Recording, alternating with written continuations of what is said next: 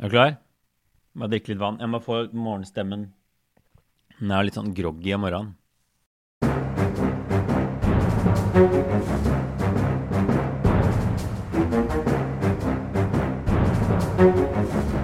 Veldig bra, veldig bra. Da kjører vi i gang med en ny episode av Aftenpodden USA. Og som vanlig på plass på hjemmekontoret i Oslo er Kristina Pletten. God dag, god dag. God morgen til deg, Øystein. God morgen, god morgen. Ja, jeg er som vanlig på plass eh, fra Brooklyn, her jeg bor. Og vi kan jo starte podden kanskje med å legge oss litt flate, eller du kan få ordet og legge deg litt flat, Kristine, for du har jo gått på en liten smell i forrige episode, Ja. som vi begge har fått tilbakemeldinger på. Ja, vi gikk på en hundesmell, rett og slett, om å legge oss flat, som er mm, populært eh, i disse dager. Jeg kom i skade for å si at Barack Obama hadde en labradoodle, Ja. og det var selvfølgelig helt feil. Ja. Det, som flere av våre faste lyttere har påpeket, så har han altså en eh, portugisisk vannhund. Eh, kanskje de har to til og med nå. Nei, nå må du ikke begynne, å- nå må du ikke begynne å freestyle mer. Nei. Portugisisk vannhund var det Obama hadde. Nei, ikke hvert fall på- ja. ja. ja, veldig bra. Portugisisk veldig vannhund. Ja, veldig bra. Ja. veldig bra. Men noen ellers der hjemme, hvordan går det egentlig? Det ser jo ut som det bare går nedover. Det har vært bitte lite grann nedgang faktisk i Oslo her i smitte, antall smittede, men det stenges jo litt og litt ned. Vi har nå lov å ha to besøkende. Ingen hvis du skal på Geilo i påsken, eh, der jo også statsminister Erna Solberg har vært og spist sushi.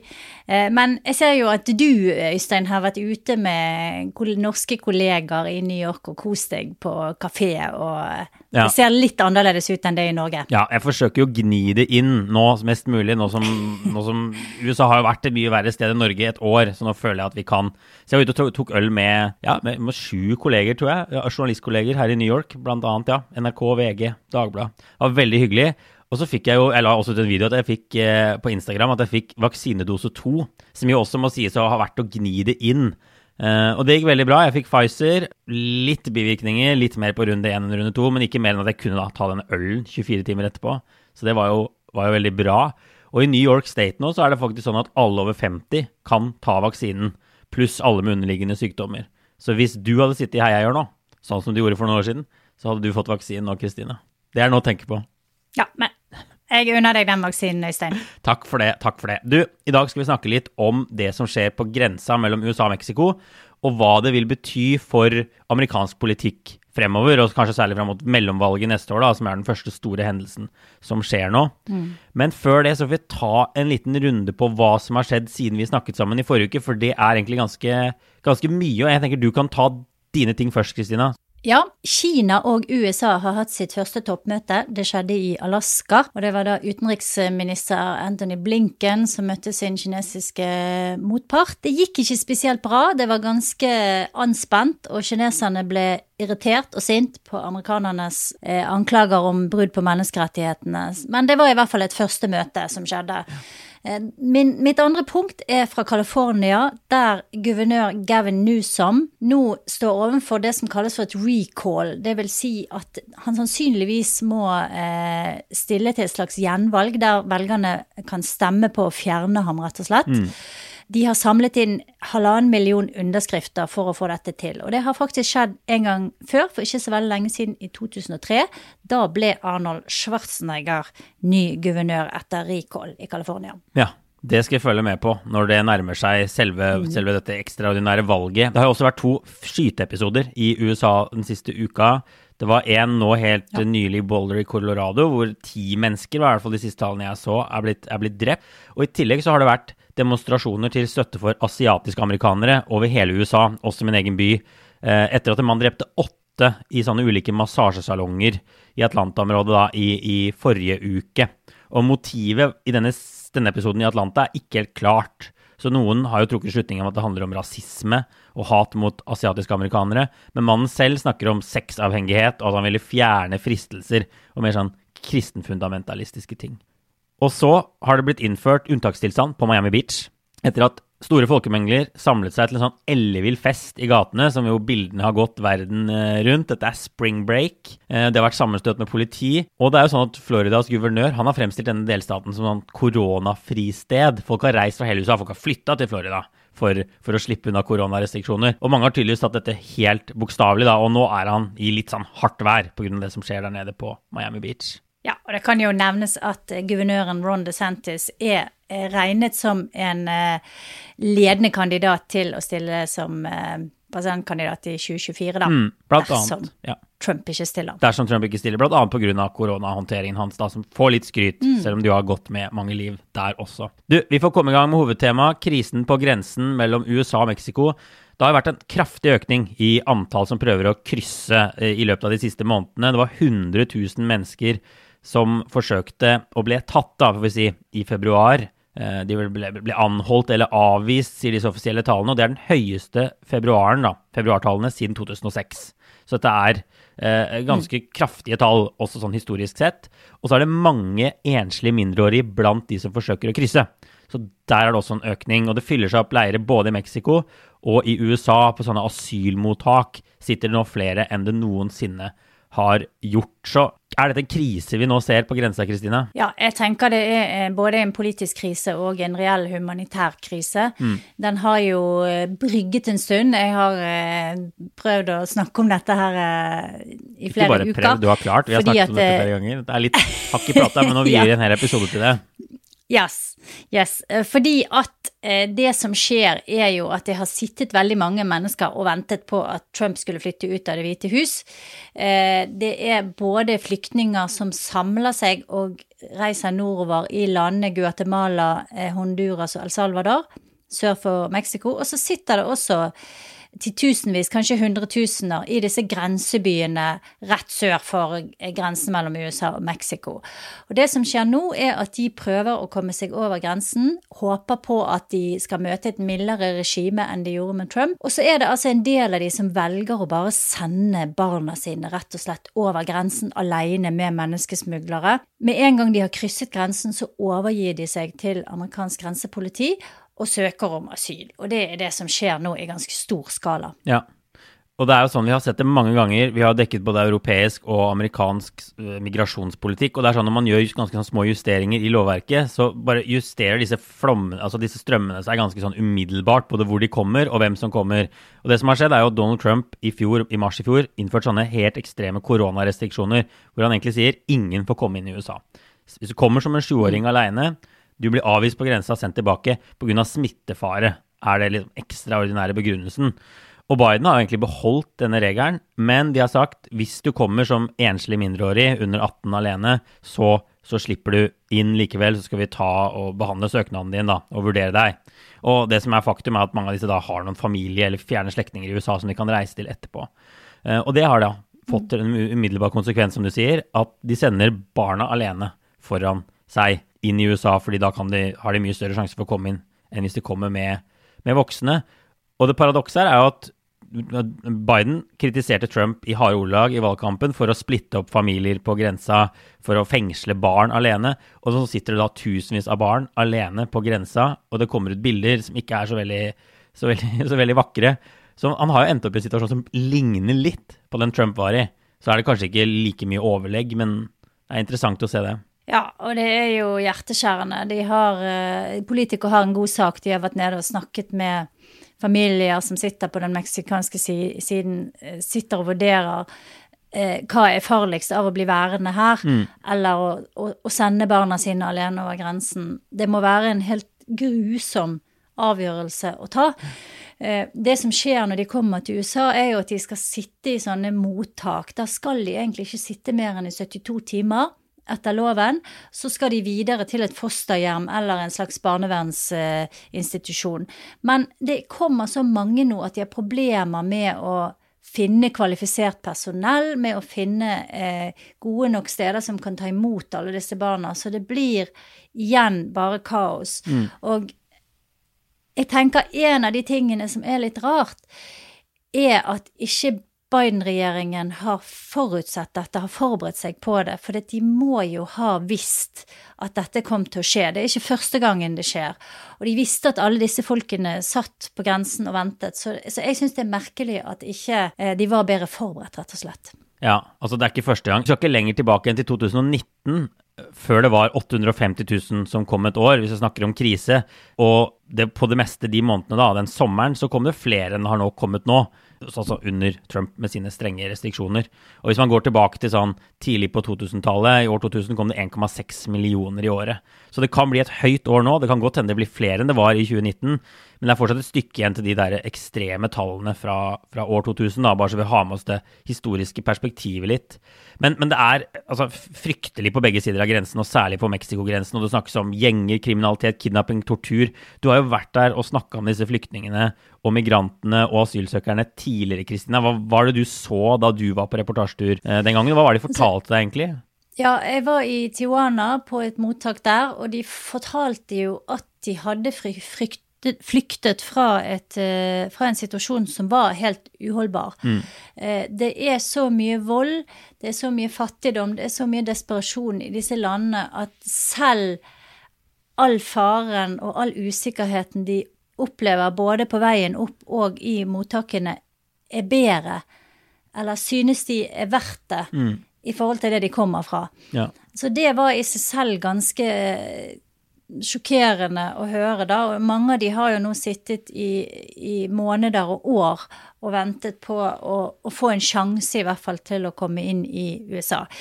Eh, det som var greien for Trump, og grunnen til at han skilte familier, det var nettopp denne regelen med 72 timer. Når familier kom over grensen med barn og søkte om asyl i USA, så måtte de slippes fri etter tre dager i eh, varetekt. Og det var det Trump-regjeringen kalte for catch and release, altså at de ble tatt inn, og så ble de på en måte registrert, og så ble de sluppet inn i USA, og da kunne de være, bevege seg egentlig ganske fritt rundt mens de ventet på å få saken sin opp. Og det, det Trump gjorde, var egentlig at han sendte de tilbake igjen til Mexico. Så det, de som jeg besøkte der, var blant de som da satt og ventet på å få søke om asyl eh, og bare få komme frem til grensen og få søke. Mm. Og så var det andre igjen som eh, hadde søkt om asyl, men måtte bli sittende i Mexico og vente mens saken rullet og gikk i, i rettssystemet. Ja. Vi får snakke litt om egentlig Biden og Trump og hva de gjorde. Vi kan begynne med Biden, egentlig, hva han har gjort siden han, han tok over. Eh, og, mm. For han får jo nå på en måte kjeft av republikanerne for at det er han som han har åpnet grensene, sier i hvert fall noen av de. Eh, på vidt gap. Nå kommer flommen inn. Eh, og det er pga. ting han har sagt og gjort, mener de. Og han har jo sendt en del signaler, Biden, om en mer liberal innvandringspolitikk. Det er det på en måte ingen tvil om. Og når man intervjuer noen av disse eh, migrantene og asylsøkerne, så sier de at de snakker om Biden, og de har T-skjorte med Biden og slipper oss inn og sånn. Så det er ikke tatt helt ut av det blå, det. Og noe av det gjorde, første han gjorde som president, var å sette f.eks. byggingen av grensemuren til Trump på pause. Og han har også en politikk hvor han vil gi eh, statsborgerskap til veldig mange av de det er 11 millioner anslaget her som har vært i USA lenge uten egentlig å ha lovlig opphold. Eh, så gjorde han denne endringen med å la enslige mindreårige forbli, og ikke bli bare snudd og pælma ut på grensa. Og så har han også forsøkt å sette deportasjoner av innvandrergrupper på pause i en periode, og så ble det stoppet og sånn. Men, men, men, men, det er jo en del sånne signaler som folk har tolket. Eh, og det sies jo også at smuglere, da, når de får sjansen og får noe å gripe fatt i, så, så vrir de på det, og så sier de nå er grensen åpen fram til middag. De, de, altså, de, finner på sånne ting som gjør at folk tar turen opp, da, for de har jo alt å tjene på at folk vil forsøke. Mm. Uh, altså, Biden, er, du, er du enig i at Biden har deler av ansvaret for det som har skjedd? Han burde i hvert fall vært bedre forberedt, og administrasjonen hans burde vært bedre forberedt, tenker jeg. Og så er jo dette nå en ulmebrann som fort kan bli en voldsom krise for Biden-regjeringen. Og det er det siste de trenger nå når de egentlig har hatt eh, suksess på mange måter i starten av eh, mm. de første ukene i Det hvite hus. De har fått gjennom denne store krisepakken, de har gjort mye bra. De er på en måte på en opptur på mange, veldig mange felt. Og så får de denne her situasjonen i fanget som burde være en varslet katastrofe.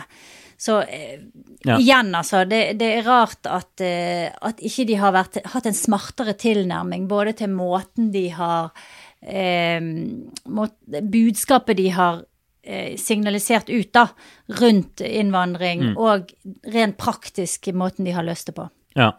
Og det de selv sier, er jo at denne veksten i antall migranter var på vei opp før Biden tok over. Den har egentlig vært oppadgående i et halvt år nå.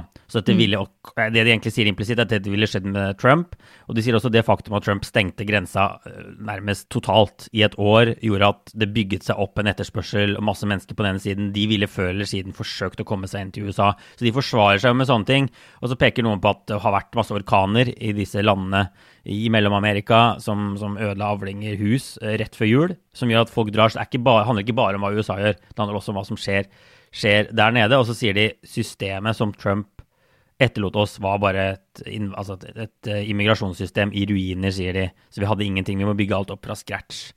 Men, men altså, hva, altså, Trump det, det, mest symbolske er jo denne muren. Den har det vært utrolig mye snakk om. Det var jo det han gikk til valg på, nærmest, å bygge denne muren mot Mexico. Altså, for det første det, skjedde det, og for det andre, hva, hva, andre ting var det Trump gjorde i innvandringspolitikken? Det var jo et par uh, viktige stolper i innvandringspolitikken hans. Det ene var å bygge muren, som faktisk ble delvis gjort da han reparerte en stor del av gjerdet, gjorde noe av gjerdet om til mur osv. Og, ja. uh, og dirigerte ganske masse penger til bygging av muren gjennom en sånn uh, å, å, erklære nasjonal krise. Um, det andre han gjorde som var viktig, var å presse Mexico til å holde igjen eh, flyktninger og migranter. Det gjorde han bl.a. ved å true med å stenge grensen helt, sånn at Mexico ikke fikk sendt sine varer, altså eksportvarer, inn til USA. Kunne vært helt ødeleggende for økonomien deres. Han truet da med å sette, eh, sette høy tollsats på varer fra Mexico hvis ikke de samarbeidet. Så han hadde de i en voldsom skruestikke, og Mexico ga etter hvert etter, og har egentlig gjort en ganske stor innsats med å holde igjen sannsynligvis hundretusener av migranter. Både i Mexico og også lukke grensen sørover mot ja. Eh, landene som ligger sør for Mexico. Ja. Det, og det Biden blir kritisert for nå, er å sende blandede signaler. For nå sier de sånn 'ikke kom, grensa er stengt', og så sier de samtidig sånn at de skal ha en mer, mer åpen uh, innvandringspolitikk enn en, en Trump hadde.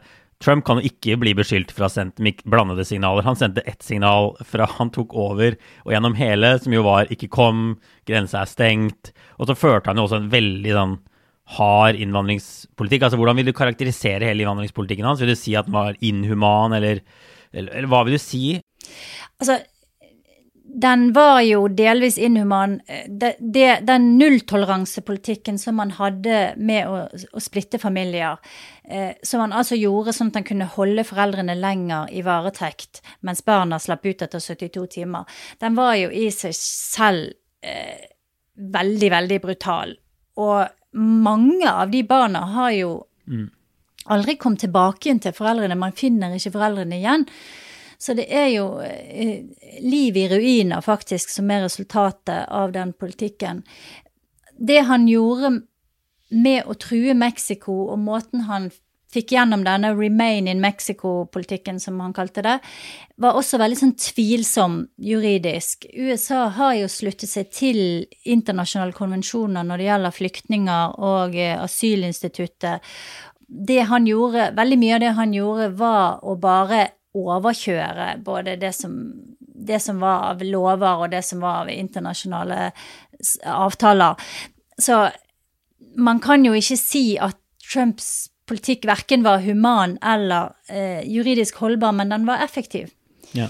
I at den sendte et signal om at her kommer ingen inn. Og det gjorde jo at eh, flyktningene òg i, i, i, mye større grad holdt seg unna, da. Så det skal han ha. Ja.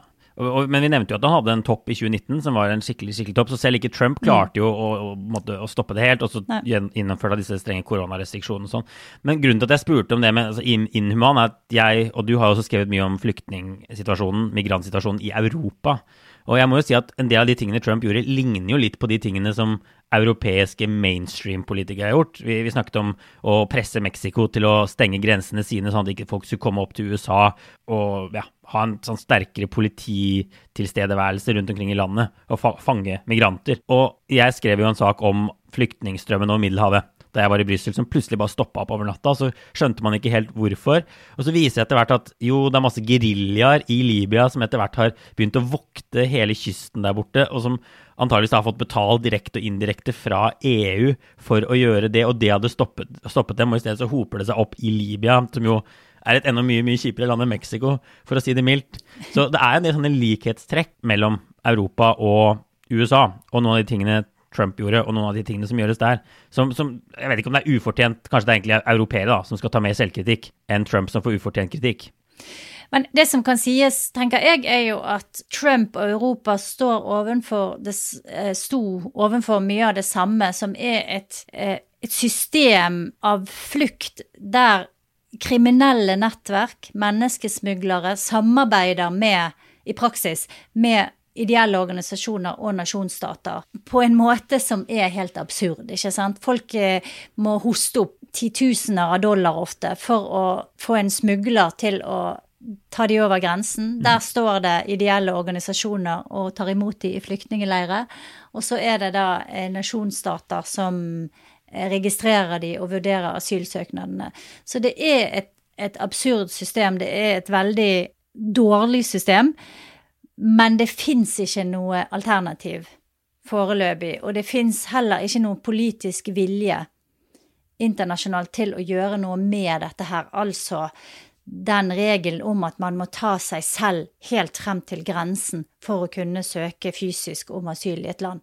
Og det er jo det som er liksom kjerneproblemet da i, i flyktningstrømmene både i, til USA og til Europa. Mm. Og, og, før man liksom gjør noe med det, tenker jeg, så får man heller aldri noen løsning på dette problemet. Da blir det bare veldig høylytt krangling fra ytre høyre og ytre venstre som vil påvirke politikken på en måte som gjør at vi egentlig bare kommer lenger og lenger unna en løsning.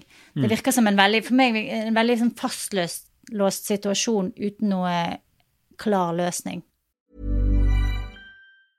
A lot can happen in three years, like a chatbot may be your new best friend. But what won't change? Needing health insurance. United Healthcare Tri Term Medical Plans, underwritten by Golden Rule Insurance Company, offer flexible, budget friendly coverage that lasts nearly three years in some states. Learn more at uh1.com. Say hello to a new era of mental health care. Cerebral is here to help you achieve your mental wellness goals with professional therapy and medication management support. 100% online. You'll experience the all new Cerebral Way, an innovative approach to mental wellness designed around you. You'll get a personalized treatment plan from a therapist, prescriber, or both in a safe and judgment free space.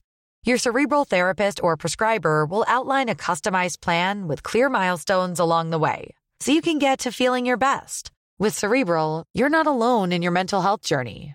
We're here to empower you to live a fulfilling life. So take that first step towards a brighter future and sign up today at cerebral.com slash podcast and use code ACasts to get 15% off your first month. Offer only valid on monthly plans. Other exclusions may apply. Offer ends July 31st, 2024. See site for details. Jeg er enig. Enig. Men hva kan vi si om politikken dette da i USA nå? Det er jo sånn at Biden egentlig, han skvises jo egentlig fra begge sider. Han står egentlig i en, i en slags spagat. For høyresiden sier som sagt at han har åpnet grensene, og de vet at innvandring er et av Bidens svakeste kort. Jeg kikka på noen sånne tall fra en sånn Ipsos-måling nå som viser at 65% syns han gjør en god jobb med korona, som jo er kjempebra, for det er den viktigste saken, synes mange. Han får også ganske god score på sånn økonomi, men bare 41% syns han gjør en god jobb med innvandring. Og det er på en måte allerede før denne aller siste oppblomstringen på, på grensa. Altså hvor problematisk er det da for Biden om han ikke får dette under kontroll, men om det snarere blir den største da, krisen på grensen på kanskje 20 år, sånn som noen sier at det kan bli? Jeg tror det største problemet for Biden i så måte vil være at han motiverer republikanske velgere til å gå og stemme på motkandidater som foreslår en strengere politikk eh, mot innvandring. Mm. Det tror jeg. Og, og, så skal vi huske på at innvandring er et tema som er mye viktigere for republikanere enn for demokrater. Når velgerne blir bedt om å rangere hvilke områder som de syns er viktigst når de skal stemme, så kommer innvandring veldig høyt opp på listen, noen ganger helt på topp mm. for republikanere. Men for demokrater så har det alltid vært langt ned på listen, knapt i topp ti. Mm. Av eh, prioriterte emner. Sant? Så for Biden så er det sånn Gjør han det bra, så har han ikke så veldig mye å vinne på det, tror jeg, hos velgerne. Men gjør han det dårlig, så har han veldig mye å tape. Ja. Og det er en uh, fryktelig situasjon å være i, egentlig. Ja, jeg er helt enig. Jeg tror grensekaoset kan koste Biden dyrt. Det er jo et mellomvalg neste år. Ja. Um, så, så vi får bare se. Hvis innvandring blir den store saken, så er det elendig nytt for Biden, som du sier, for det er veldig liten oppside. Han kan på en måte bare Ja, demokratene bryr seg ikke så mye. Republikanerne kan bli kjempeengasjert av det. Så, og du ser jo på, på Fox News, de har snakket om denne innvandrerbølgen, akkurat som deg, siden, siden jul. så de er det de er opptatt av. ikke sant? De er ikke opptatt av redningspakken og sjekkene og, og sånn på de ytre høyre-kanalene. De snakker om cancel culture, og så snakker de om innvandring nå. Fordi de vet at det gjør vondt for Biden og venstresiden. Og det gjør vondt også fordi han sliter jo med sin egen venstreflanke, aktivister i sitt eget parti. For de er jo heller ikke fornøyd med det han gjør nå. De vil jo ha mye mer liberaliseringer. De er ikke fornøyd med at, at han har beholdt den Trump-regelen som avviser fortsatt. Da, de aller fleste som kommer på grensa, blir jo bare de blir bare sagt du slipper ikke inn i USA, det er korona, vi er redd for smitte. Så det er jo disse barna og noen familier som, som kommer inn. Men altså, hva, hva kan vi egentlig si om demokratenes posisjon på innvandring nå, Kristina? Hvor står de?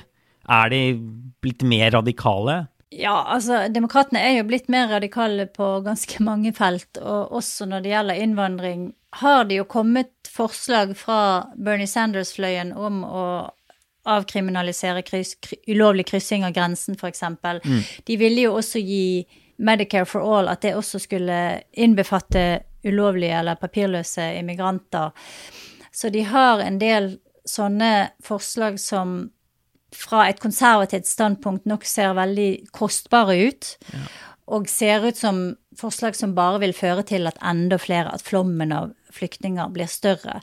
Det jeg tror de burde konsentrert seg om, var å, å, lansere mer pragmatiske løsninger, sånn som Biden har gjort på mange andre felt. Han har vært veldig sånn saklig og pragmatisk og veldig lite ideologisk. Ja. Der, er, der har jo vært en utvikling i immigrasjonspolitikken på den måten at de har forskjellige visum som folk kan søke om hvis du har en, en eller annen eh, eh skill som en bransje trenger, da. Det kan være IT-bransjen, eller eh, hvis du har en utdanning som, som, noen trenger. Men også spesielle visum for landbruksarbeidere fra Mexico, f.eks., som jo kommer i, i, store mengder, og som egentlig drifter hele matproduksjonen i USA. Mm. Og man kunne jo tenke seg at man kunne få laget noen sånne ordninger som kanskje ikke var betød at du kom inn og ble permanent statsborger, men at du kunne få opphold, få jobb, bidra der det var behov.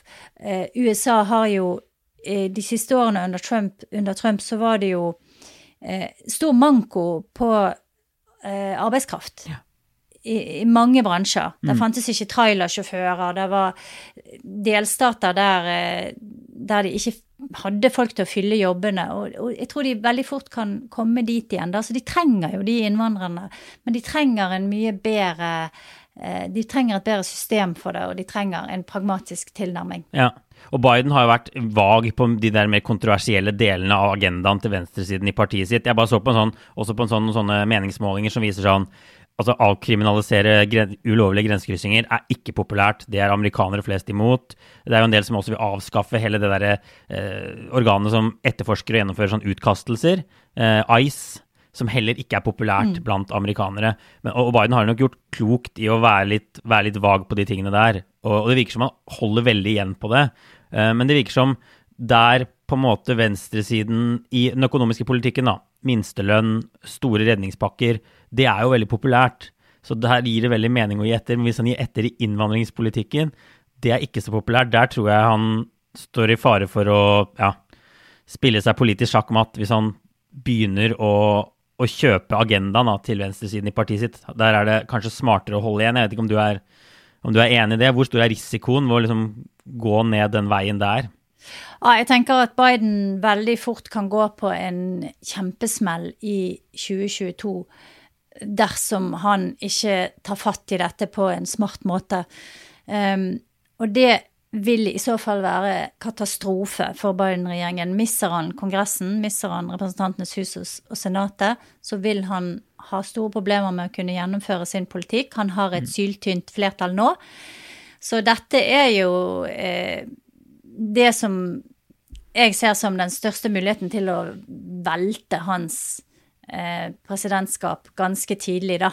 Ja. Og eh, han er nok, de er nok veldig oppmerksom på dette selv, Ja. men eh, er kanskje litt sånn i beit for eh, hva de skal gjøre. Ja. Så er det fortsatt sånn at mange amerikanere er sånn grunnleggende positive til, til innvandring. Eh, jeg syns av og til de tallene er litt sånn overraskende høye. Det er jo fortsatt et, et land av innvandrere her. Og så, så ser man også konturene av en sånn Det burde være mulig å få til et kompromiss her, og det har vært snakket om det i mange år, som er å gi de som har vært i landet lenge uten papirer, eh, liksom lovlig opphold, statsborgerskap. Og så sier vi, men vi gjør det, vi bygger kanskje mer av muren til Trump da, vi, vi styrker kanskje grensepolitiet, vi inngår kanskje noen avtaler med Mexico, og så i tillegg så innfører vi noen programmer hvor folk kan komme lovlig, enten som asylsøkere eller arbeidsinnvandrere, fra disse mer problematiske landene lenger sør. Hvorfor er det så vanskelig å få til et sånt kompromiss? For det høres jo egentlig ganske bra ut på papiret. Altså, det er jo mange amerikanske politikere de siste 20 årene som har forsøkt å få til eh, en innvandringspakke, som Ja. har forsøkt å få til en slags statsborgerskap for disse ulovlige innvandrerne og deres barn som har vært i USA i 20-30 år. Problemet er at det er veldig lite å vinne i Washington på kompromiss. Derfor så er det jo nesten ingen saker der lenger der eh, politikerne går sammen og gir litt og tar litt og finner en løsning.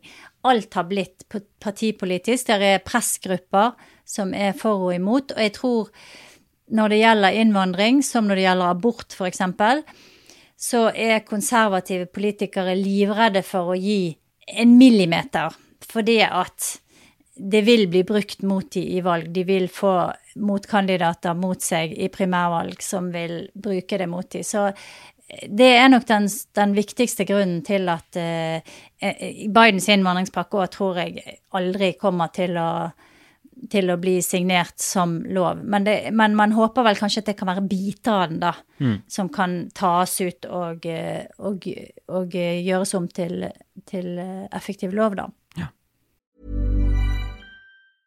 A lot can happen in three years, like a chatbot may be your new best friend. But what won't change? Needing health insurance. United Healthcare Tri Term Medical Plans, underwritten by Golden Rule Insurance Company, offer flexible, budget friendly coverage that lasts nearly three years in some states. Learn more at uh1.com. Say hello to a new era of mental health care. Cerebral is here to help you achieve your mental wellness goals with professional therapy and medication management support. 100% online. You'll experience the all new Cerebral Way, an innovative approach to mental wellness designed around you. You'll get a personalized treatment plan from a therapist, prescriber, or both in a safe and judgment free space. Your cerebral therapist or prescriber will outline a customized plan with clear milestones along the way so you can get to feeling your best. With Cerebral, you're not alone in your mental health journey. We're here to empower you to live a fulfilling life. So take that first step towards a brighter future and sign up today at cerebral.com slash podcast and use code ACAST to get 15% off your first month. Offer only valid on monthly plans. Other exclusions may apply. Offer ends July 31st, 2024. See site for details. Ok, vi får ta en runde med eh, obligatorisk refleksjon til slutt også. Kristina, hva har du reflektert over den siste uka? Jeg har reflektert ganske mye over det som skjedde i Atlanta, som du snakket om innledningsvis.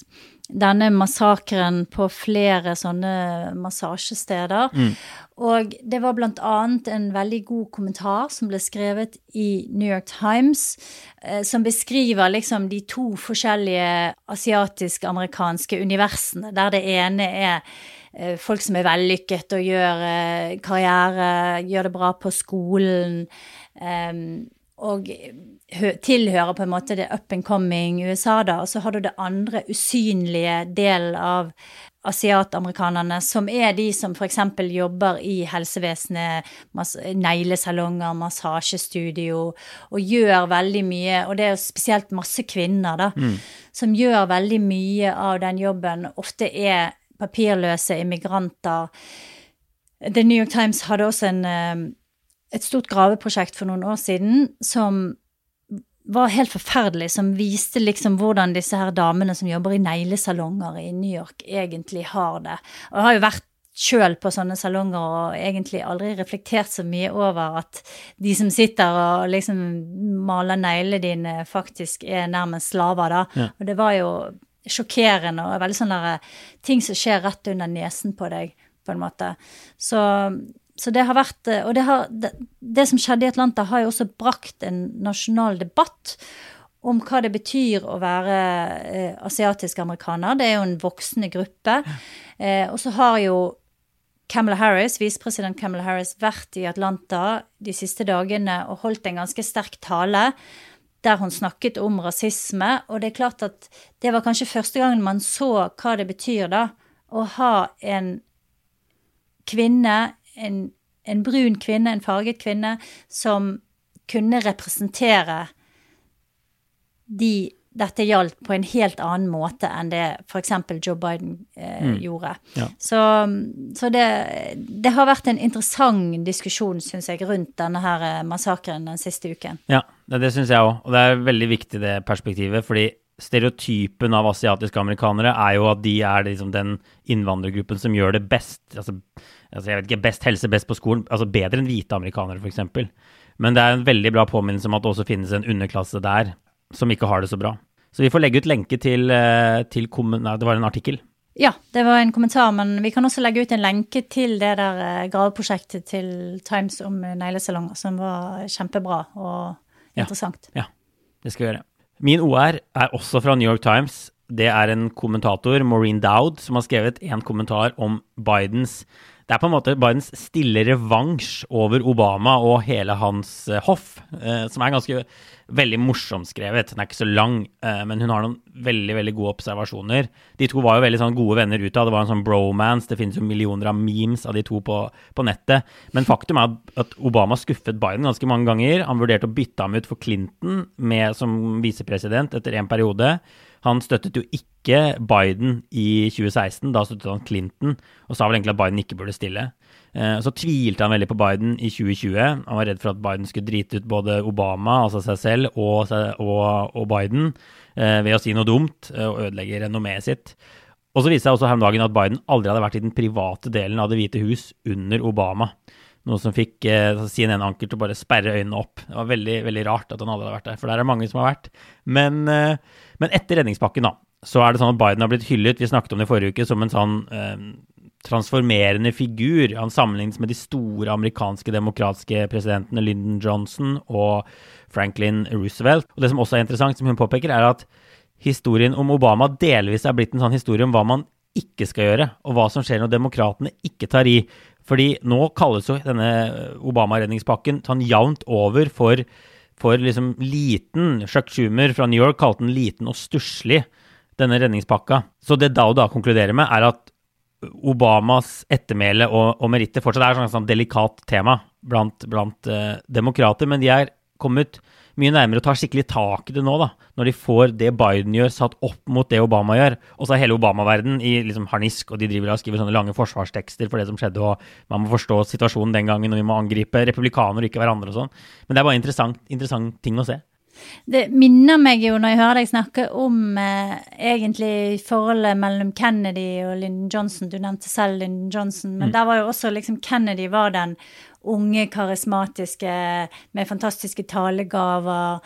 Og så var liksom Lyndon Johnson den gamle ringreven. Overhodet ikke samme sjarme. Han var jo Ble ofte beskrevet som en ganske sånn uh, uspiselig mann, da. Ja. Men var en sånn pragmatiker som var jo den som egentlig fikk satt USA på sporet av den moderne verden gjennom de store endringene han gjorde på 60-tallet. Og, og gjennomførte mye av, av Kennedys visjoner med, med, med ganske hard hånd, da. Og var jo kanskje en mye røffere type enn det Biden er, men allikevel, det er noen eh, det er noen paralleller der. Og så vil jeg bare si til alle som hører på, at Maureen Dowd, som du anbefaler, er min store helt. Og har lest hennes spalter i, siden jeg studerte på, i USA på begynnelsen av 90-tallet. Hun er en fantastisk kommentator. Hun er morsom, hun er ofte veldig giftig og har et eh, blikk og, en, eh, og et språk også som er bare en fryd. Og det fins eh, bøker der hennes beste spalter er samlet, som også er verdt å plukke med seg hvis noen vil fordype seg mer i det, da. Så det ja. kan jeg, bare, jeg kan bare slutte meg til eh, den anbefalingen med hele mitt hjerte. Veldig, veldig bra. Veldig, veldig bra. Jeg tror vi setter strek der for denne uke, og så er vi tilbake om syv dager. Og inntil det, for alle lytterne og du, Kristina, ha det bra. Ha det bra.